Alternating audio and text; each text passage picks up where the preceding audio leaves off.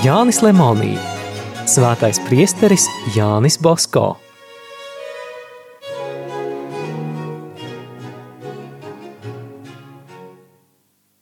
Apņēmīgais līderis bija priesteris Viktorio Alasonatī, par kuru jau esam runājuši nevienu reizi vien.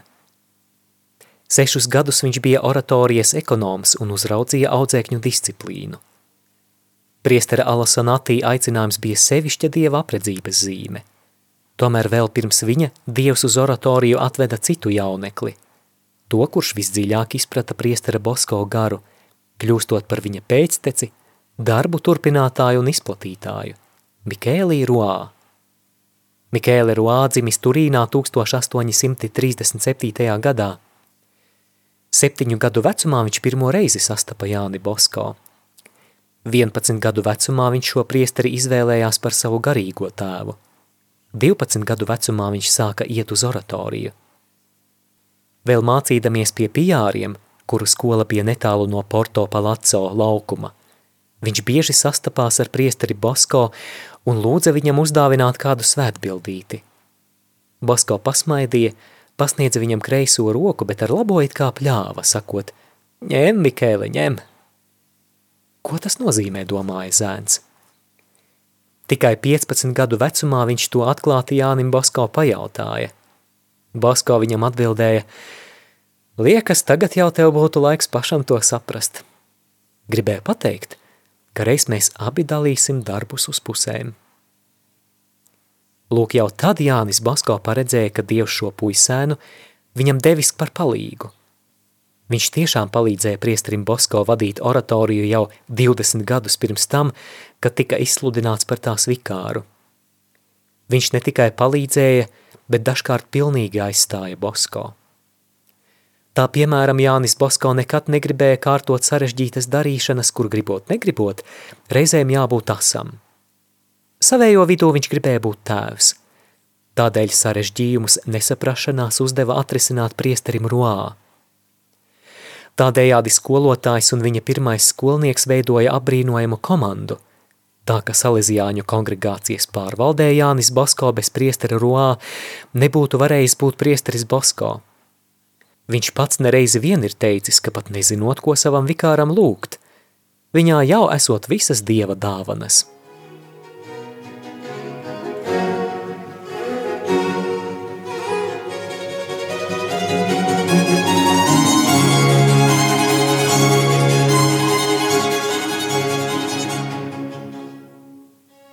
Bez priestera Roā pamazām saradās vēl citi jaunieši, kam Salesiāņu kongregācijā bija ļoti liela nozīme.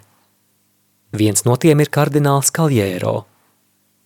Reiz priesteris Bosko tika aicināts uz bekiem dvēseļu dienā pasacīt mācību.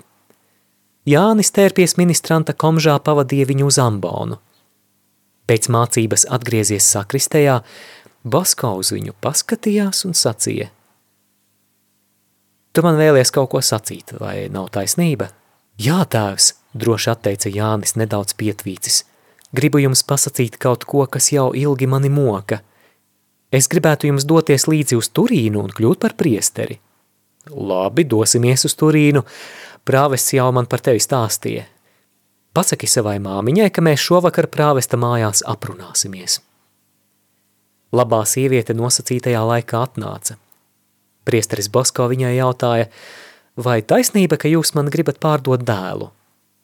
Ko nu pārdot, smaidīdam atteica Terēze. Tad vēl labāk.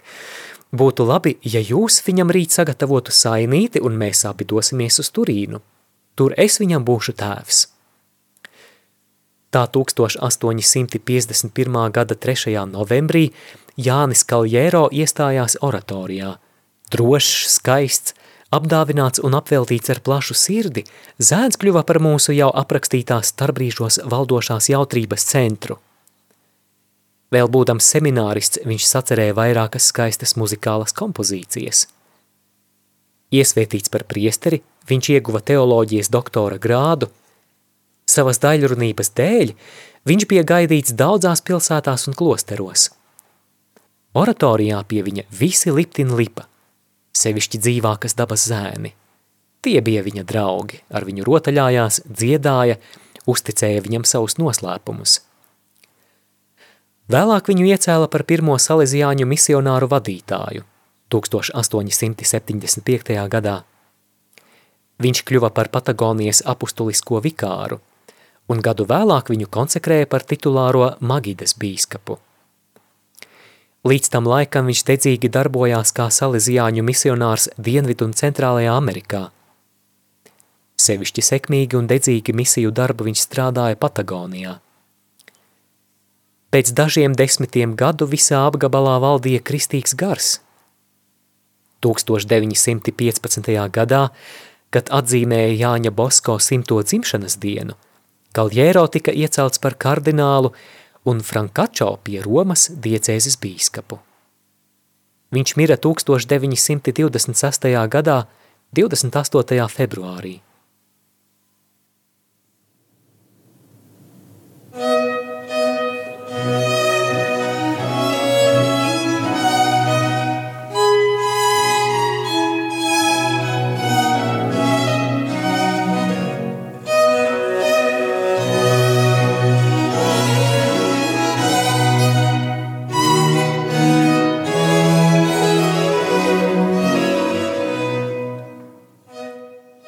Uzticīgs priestera Bosko dēls, kas tikpat nenogurstoši īstenoja viņa centienus, bija priesteris Jānis Frančēzija, kardināla Kaljēro vienaudzis, pirmais salesiānis, kurš ieguva augstāko zinātņu grādu.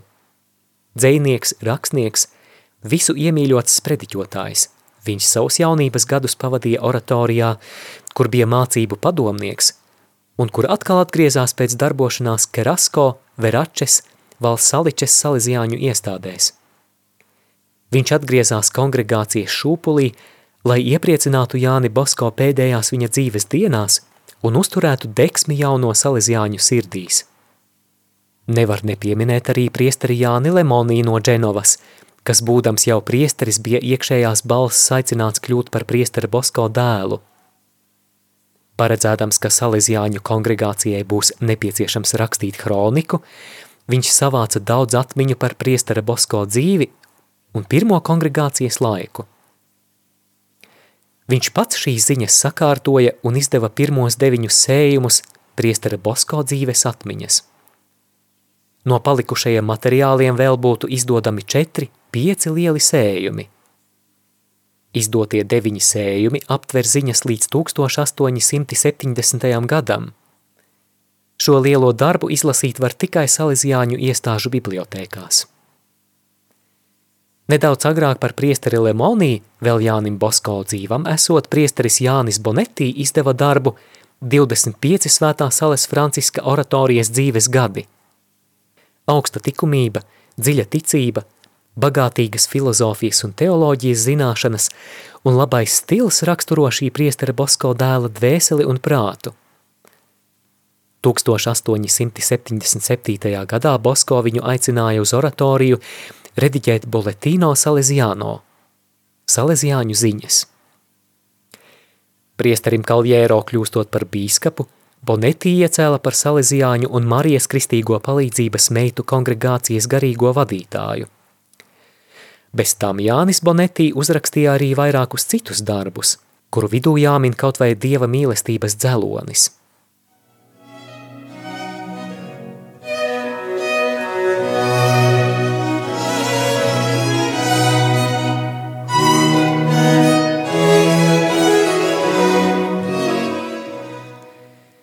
Cits ievērojams Jāņa Bosko skolnieks bija priesteris Francesco Cerruti. 1886. gadā viņu izvēlēja par Salesiāņu kongregācijas vecāko zinātņu padomnieku. Šajā amatā viņš bija līdz pat mūža beigām. Viņa piemiņa nezudīs Jāņa Bosko dēlu sirdīs nevien veiksmīgi uzrakstīto darbu dēļ, bet arī tādēļ, ka viņš ļoti mīlēja priestera Bosko garu. Visu mūžu Čerrutī mudināja salīzjāņus ievērot priestera Bosko audzināšanas likumus un pats tos izskaidroja. Balstoties uz Bosko audzināšanas metodi, viņš sagatavoja programmu visām salīzjāņu skolām. Ar dziļo intuīciju, noturīgo enerģiju, bet īpaši ar savu lielo tikumību, viņš spēja rūpēties par visām salīzjāņu pamatskolām un vidusskolām – Vajadzētu veltīt atsevišķu nodaļu, kaut vai nedaudz pastāstot par pirmajiem Jāņa Bosko sekotājiem.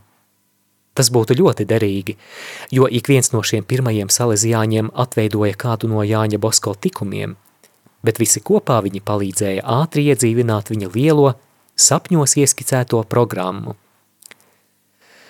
Tomēr šīs grāmatas apjoms mums to neļauj. Otrakārt, Ja lasītājs gribēs, viņš atradīs literatūru par pirmajiem salezijāņu darbiniekiem. Plašāk iepazīt viņu dzīvi ir ārkārtīgi svarīgi. Cik daudz šķēršļu viņiem vajadzēja pārvarēt, kamēr tie iestājās salezijāņu kongregācijā? Cik daudz apvainojumu un vajāšanas tiem bija jāpacieš mācoties seminārā, gatavojoties priestera svētību pieņemšanai? Un šīs vajāšanas viņiem vajadzēja paciest tikai tādēļ, ka mīlēja priesteri Bosko. Pieminēsim vēl vienu no viņiem. Priesteris Albērs ir dzimis no Nē, netālu no Turīnas, 1845. gadā. Turienes prāvests, vēlāk arī bīskaps viņu lūdza, lai Albērs atstāja priesteri Bosko un paliek strādāt diecēzē. Reiz bīskaps Ferrī jautāja priesterim Bosko, vai Alberts spējas turēties pretī visiem šiem ieteikumiem un vilinājumiem. Nu, priesteris Alberts ne tikai tos uzvarēja, bet uzvarēs arī vēl simtiem citus, un būs mans otrs. Pēdējo vārdu viņš neizrunāja. Brīdi klusējis, it kā ieskatīdamies nākotnē, Bosko piebilda, jā, priesteris Alberts daudz, daudz veiks. Kad bīskaps runāja ar priesteri Bosko, Istabā atradās arī kāds 20 gadus vecs puisis. Priesterim Ruā vēl pildot Salesiāņu vecākā rektora pienākumus, viņš uzrakstīja arī dzirdēto pravietojumu un atdeva to priesterim Lemonī. 1910. gada 3. augustā priesteri Albēru izvēlēja par otru priestera Bosko pēcteci, Salesiāņu vecāko rektoru. Vēl pārsteidzošāks ir fakts, ka zēns, kas dzirdēja minēto sarunu, 1922. gadā tika izvēlēts par trešo salīdzjāņu vecāko rektoru, kurš prasmīgi vadīja kongregāciju uz tās slaveno nākotni. Tas bija priesteris Filipo Rinaldi.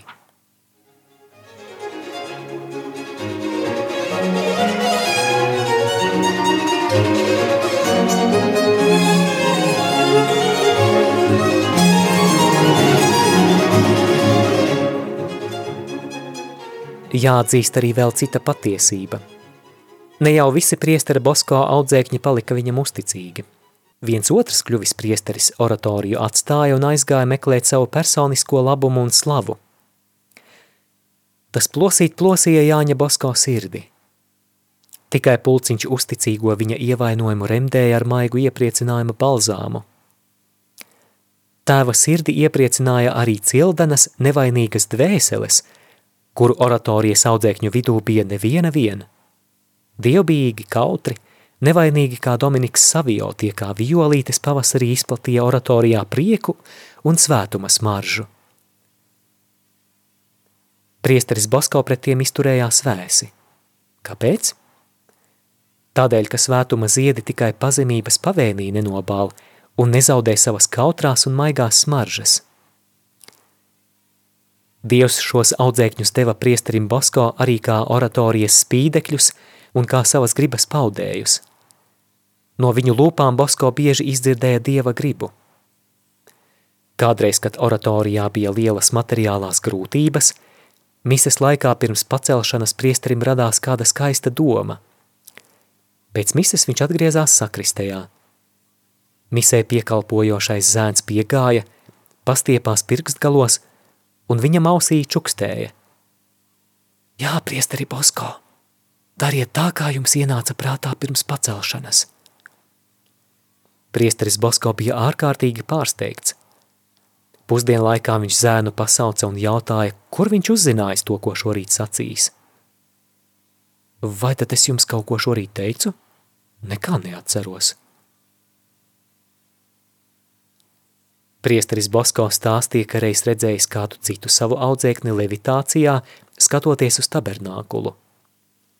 To stāstīdams viņš piebilda.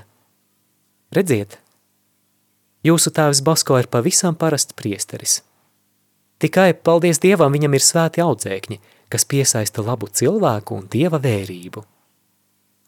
Nereizi vien Jānis Bosko visas oratorijas sekmes piedēvēja savu audzēkņu lūkšanām.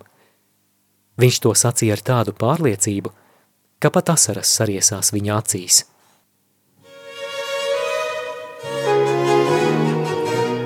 Izskanēja lasījums no Jāņa Lemonī grāmatas Svētais priesteris Jānis Bosko.